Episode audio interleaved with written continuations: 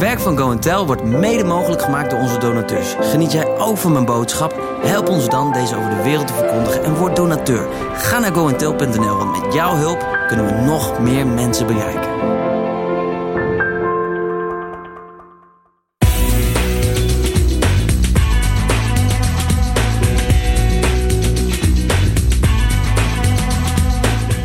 Welkom. Nederlanders zijn nuchter, dus zelfliefde? No way.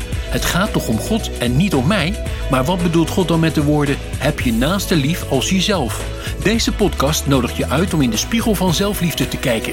Dit is deel 2 van De Omarming. Even naar nog zo'n mooi verhaal. Dat is het verhaal van de overspelige vrouw. U kent het verhaal. Zij werd betrapt. In het Engels staat het altijd veel mooier als in het Nederlands. In the very act of adultery. Zij werd betrapt tijdens het plegen van overspel. En dat was een val omdat ze dat Jezus voor wilde leggen. Ik vraag me dan af, hoe doe je dat zonder te kijken, zonder betrokken te zijn? Maar de fariseeën die brachten haar bij Jezus. En Jezus komt in die zonde. En hij neemt het oordeel weg. Eerst maakt hij het veilig. Eerst jaagt hij de aanklager weg. En dan knielt hij naast haar neer. En dan zegt hij: Lieverd, waar zijn uw aanklagers? Ze zegt: Ja, ze zijn er niet meer. En dan doet hij daarboven ook, zegt hij: Ook ik, God dus zelf, klaag je niet aan. Nou, ga heen.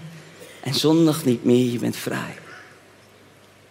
Om te komen op het punt van herstel, zul je allereerst met je rommel en je tekortkomingen bij God moeten komen. En zolang ik volhoud dat ik echt die oudste niet ben, zolang ik volhoud dat ik die dienstknecht niet ben, en zolang ik volhoud dat ik de verloren zoon niet ben, ben ik niet klaar voor de knuffel. Ben ik niet klaar voor de omarming. Ben ik niet klaar om door de vader aangeraakt te worden. Als de oudste zoon eens zou weten wat er zou gebeuren. Als hij zou knielen en zeggen: Papa, ja, ik ben competitief. Ja, papa, ik streef naar uw liefde. En ik denk dat ik het kan verdienen met werken. En ik voel me beter dan anderen, papa, want ja, dat is alles wat ik heb. Ik ben misschien geen hoerenloper, maar ik heb op zijn minst dezelfde gedachten. En ik probeer er maar niet aan toe te geven. Papa, ook ik verlang zo naar uw omhelzing. En ik wil zo graag dat u oké met me bent. 1 Korinthe 13. Een vers wat wij allemaal kennen. Vers 8 zegt, de liefde zal nooit vergaan. Profetieën gaan verdwijnen, klanktaal verstommen, kennis zal verloren gaan, maar de liefde zal nooit vergaan. Weet je wat de brandstof is van jouw ziel? De brandstof is liefde. En terwijl fossiele brandstof daarbuiten steeds duurder wordt en elektrische energie steeds populairder, is de brandstof van de liefde elke dag onbeperkt beschikbaar voor jou en voor mij. Het raakt nooit op. Je kan er zoveel van nemen als dat je wil. En het is beschikbaar op ieder moment. En het kan alleen tot je komen als je het echt gelooft. Ja, lekker makkelijk. Als ik dat dan, hoe, hoe werkt dat dan?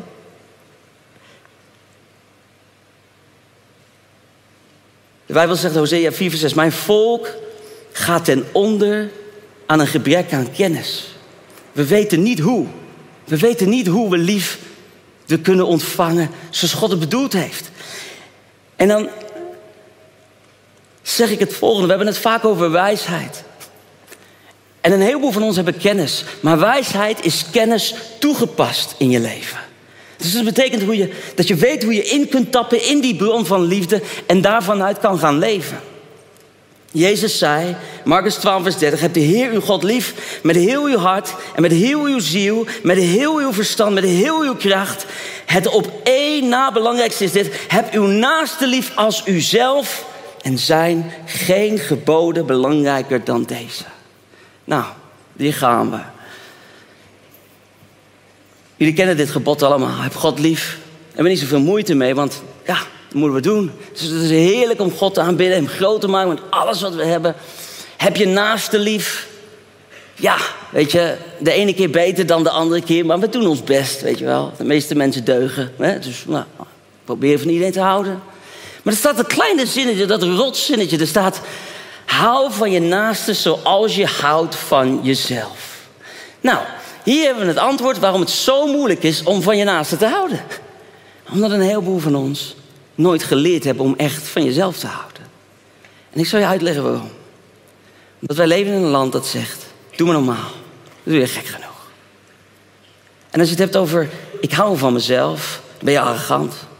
Dan loop je naast je schoenen. Dat kan niet. Nederlanders zijn nuchter, dus zelfliefde, zelfbeminning, voor jezelf houden. No way, weet je, dat is echt gewoon niet oké. Okay. Maar het gaat toch om God en niet om jou. Weet je, er zijn mensen die hebben er moeite mee als ik op zo'n grote poster sta. Weet je, denk oh, ik denk zeker dat het om hem gaat. Ik zou je wat vertellen, het is best lastig om op zo'n poster te staan. Want als dan zeg maar het voetbalveld op kom gelopen van mijn zoontje, weet iedereen, oh, dat is die meneer van Simply Jesus. Ik ben in training geweest bij een van de werelds grootste evangelisten. En hij zei, David, als jij Jezus wil preken, zul je bovenop de tafel moeten staan en niet eronder kruipen. Laat iedereen zien welke God je dient. En dat is mijn missie. Maar als we het hebben over zichtbaar zijn, arrogant zijn. Weet je wat arrogantie is? Arrogantie is verbloemde onzekerheid. Dat is wat het echt is. Dus als iemand heel erg aan het poffen is, is die eigenlijk heel onzeker van binnen. En oh, wat is dat lastig om te zien, doorheen te kijken. En zo'n hekel aan kan hebben dat je denkt, dude, weet je wel, doe eens even normaal. Ik, heb, ik, ik vind dat echt lastig. Maar ten diepste zit er heel veel onzekerheid onder. En ik begon hierover na te denken. En ik had een bijbelschoolleraar die zei dit. Ik was 16 jaar oud. Joyce was 17. 16, 17. We hebben elkaar leren kennen op, die bijbelschool. En ik kwam net super bleu, weet je wel, van de middelbare school. En dat was echt zo'n hele radicale kerel die ook heel veel dingen zei dat ik denk, hoe kan je dat zo zeggen? Maar één van de dingen die hij zei, is hij zei, je moet van jezelf leren houden zoals je bent. Hij zegt, ga in je blootje voor de spiegel staan en vertel jezelf, ik hou van jou. ik denk, oh my world dit is freaky, weet je. Maar jezelf alleen al aankijken in de spiegel en zeggen: Ik hou van jou, is voor de meeste mensen al onmogelijk. Waarom? Waarom is het zo moeilijk? Omdat er delen zijn in jezelf waar je niet van houdt, waar je voor schaamt, waar je van baalt, waar je nooit over praten wil, waar je van hoopt dat niemand het ooit ontdekt. Ken je die preken nog van vroeger? Oh, wat als er nu een film van jou zou draaien waarin alles te zien was wat je ooit hebt gedaan? En daarna kwam de oproep, weet je. Ken, ken, die breken nog? Oh, maar ik heb ze gehad. Want ja, die film draait in de hemel, weet je het nog? Ja, die film draait in de hemel. Oh my word. Um, doe me niet, heer. Doe mij dat stukje maar. Er is geen veroordeling voor hen die in Christus zijn. Forget about it. Maar we hebben delen waarvan we zeggen, maar, maar dat willen we niet delen. En dat weerhoudt ons om op de knieën te gaan, omdat we er niet aan toegeven en bij de Vader te komen en zeggen, dit is wat het echt is. En op dat punt zat ik in mijn eentje, in die woonkamer, met dit plaatje. Papa, dit is wat het echt is. En het is een puinhoop nu. En ik ben zo verdrietig. Maar dit is wat het is. En ik moet het ermee doen. En dat is voor mij een hele reis. En ik begon steeds meer te ontdekken dat het niet zozeer de dingen zijn die er gebeuren waardoor je geraakt wordt, maar het is vervolgens het verhaal wat je jezelf vertelt als die dingen gebeuren. De leugentjes van de vijand aan jouw tafel, waar Louis het over had gisteravond die zomaar je gesprek inbreekt en je vertelt dat je niets waard bent, of dat je niet puur bent, of niet zuiver bent. Weet je hoe vaak er gezegd wordt: Oh nee, je kan niet op het podium staan als je niet puur bent, als je niet zuiver bent. Noem mij één iemand die 100% puur en zuiver is. Zijn naam is Jezus Christus. Wij allemaal komen tekort. Zo, ja? Er is zoveel in ons.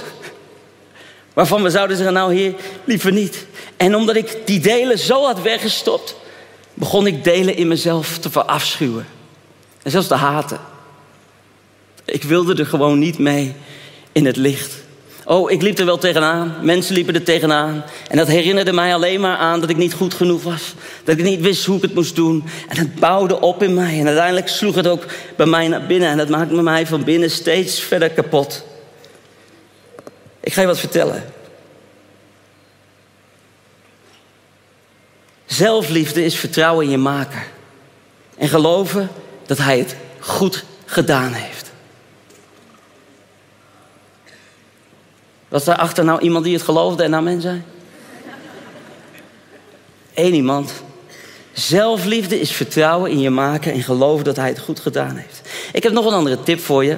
Um, jij bent de enige die je hele leven met jezelf moet optrekken. Heb je er eens over nagedacht? Dus je kan maar beter lief zijn voor jezelf. Ja, je moet het echt helemaal tot aan de eindstreep gewoon met jezelf doen.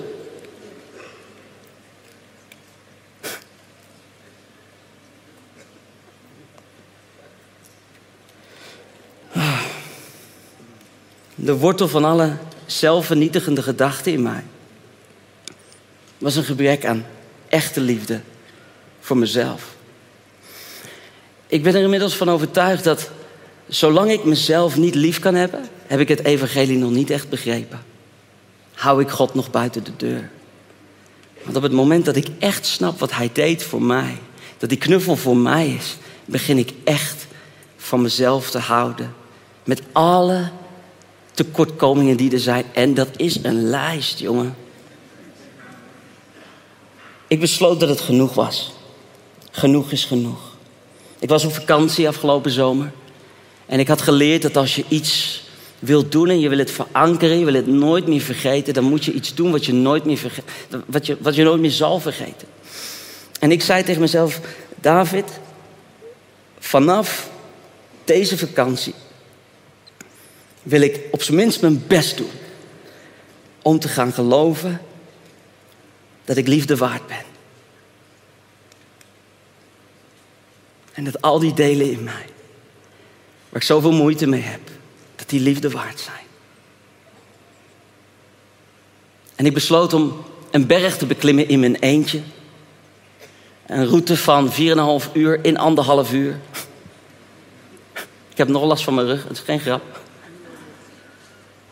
En ik wil je heel even meenemen op die tocht. Ik heb een kort overzicht van dat moment.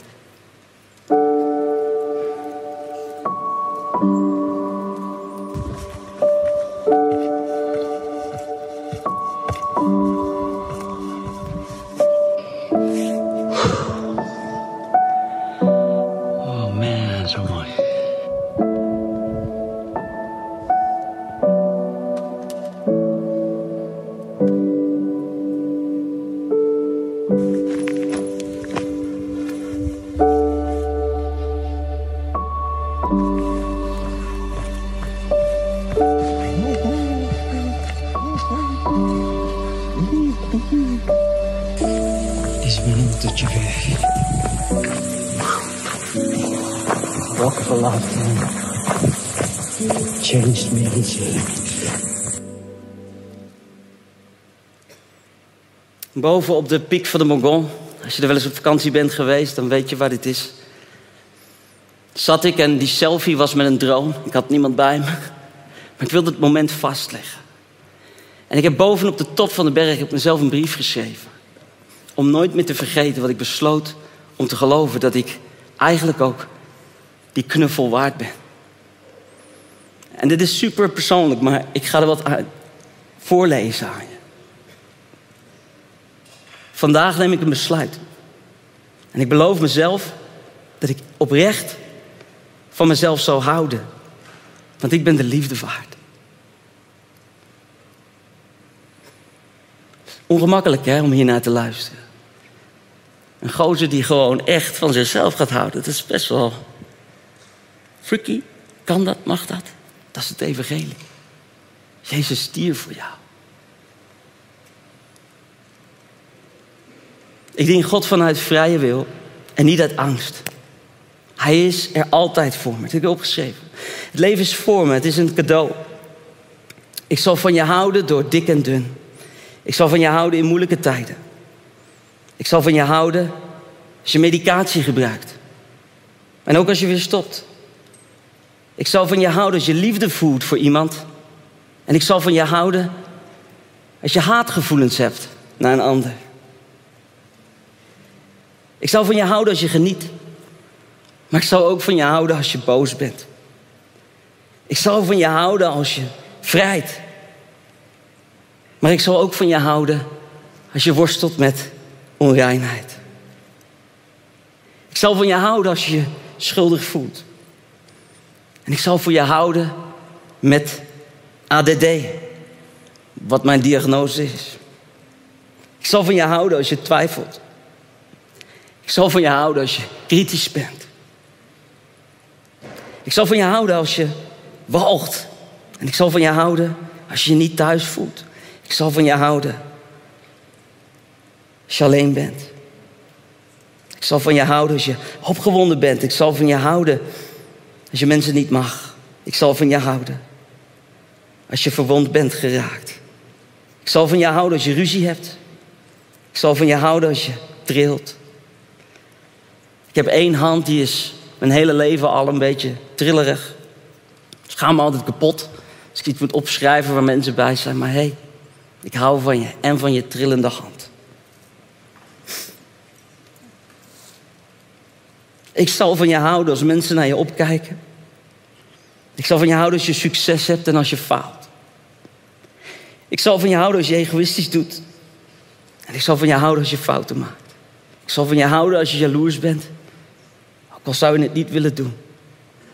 Ik hou van je en ik laat je nooit alleen. Je bent het waard dat het goed met je gaat. Ik zal van je houden, ook als mensen het met je oneens zijn. Nou, hier staat.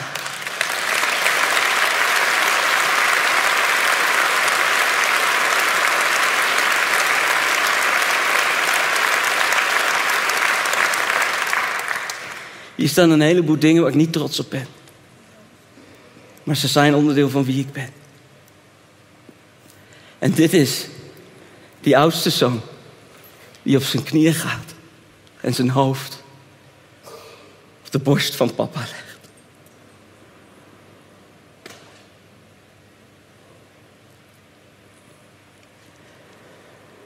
Lieve vriend en vriendin. In het koninkrijk van God komen gaat niet over perfectie. Groeien naar een moment dat je er echt bent. Ik ben er nog niet hoor. Ik ben nog aan het werk aan mezelf. Die? Zal je wat vertellen? Heel worden betekent dat je accepteert dat je altijd gedeeltelijk gebroken zult zijn.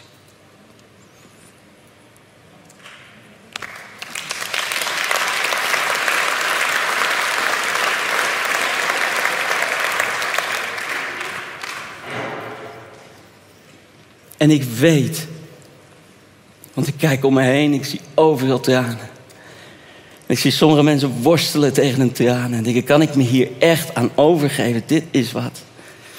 Voor ver voordat de conferentie zou beginnen, was er een vriendin en die stuurde een, een woord dat ze van God had ontvangen. En ze zei, ik zie, ze zeggen, ik ben helemaal te huilen hoe duizenden gevangenisdeuren geopend worden tijdens de conferentie. En ik heb het gevoel dat dit het moment is. Stop maar met proberen te zijn. Wat je nooit kunt worden. En ga op je knieën. En zeg, papa, hier mag u het mee doen. En als die andere zoon van u mag komen, oh, mag ik dan ook met mijn jaloezie en mijn afgunst of mijn trots, mijn twijfel. Heer. Lieve Vader in de hemel, dank u wel voor, voor dit moment. De zaal zit vol met zonen en dochters.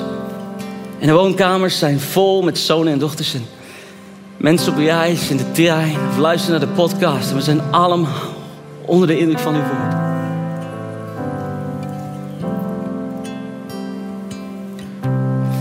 Jezus, u stierf voor ons. En u gaf alles wat u had. Zodat wij ons werkelijk geliefd kunnen voelen. Maar dat betekent inclusief alles wat we zelf zo moeilijk vinden aan onszelf.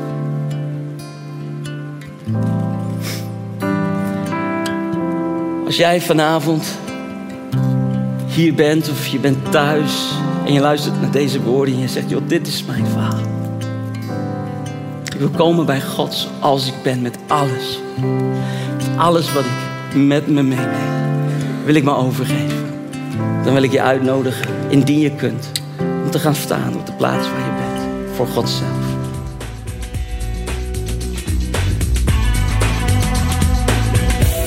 Vertrouwen in je maker en geloven dat hij het goed heeft gedaan.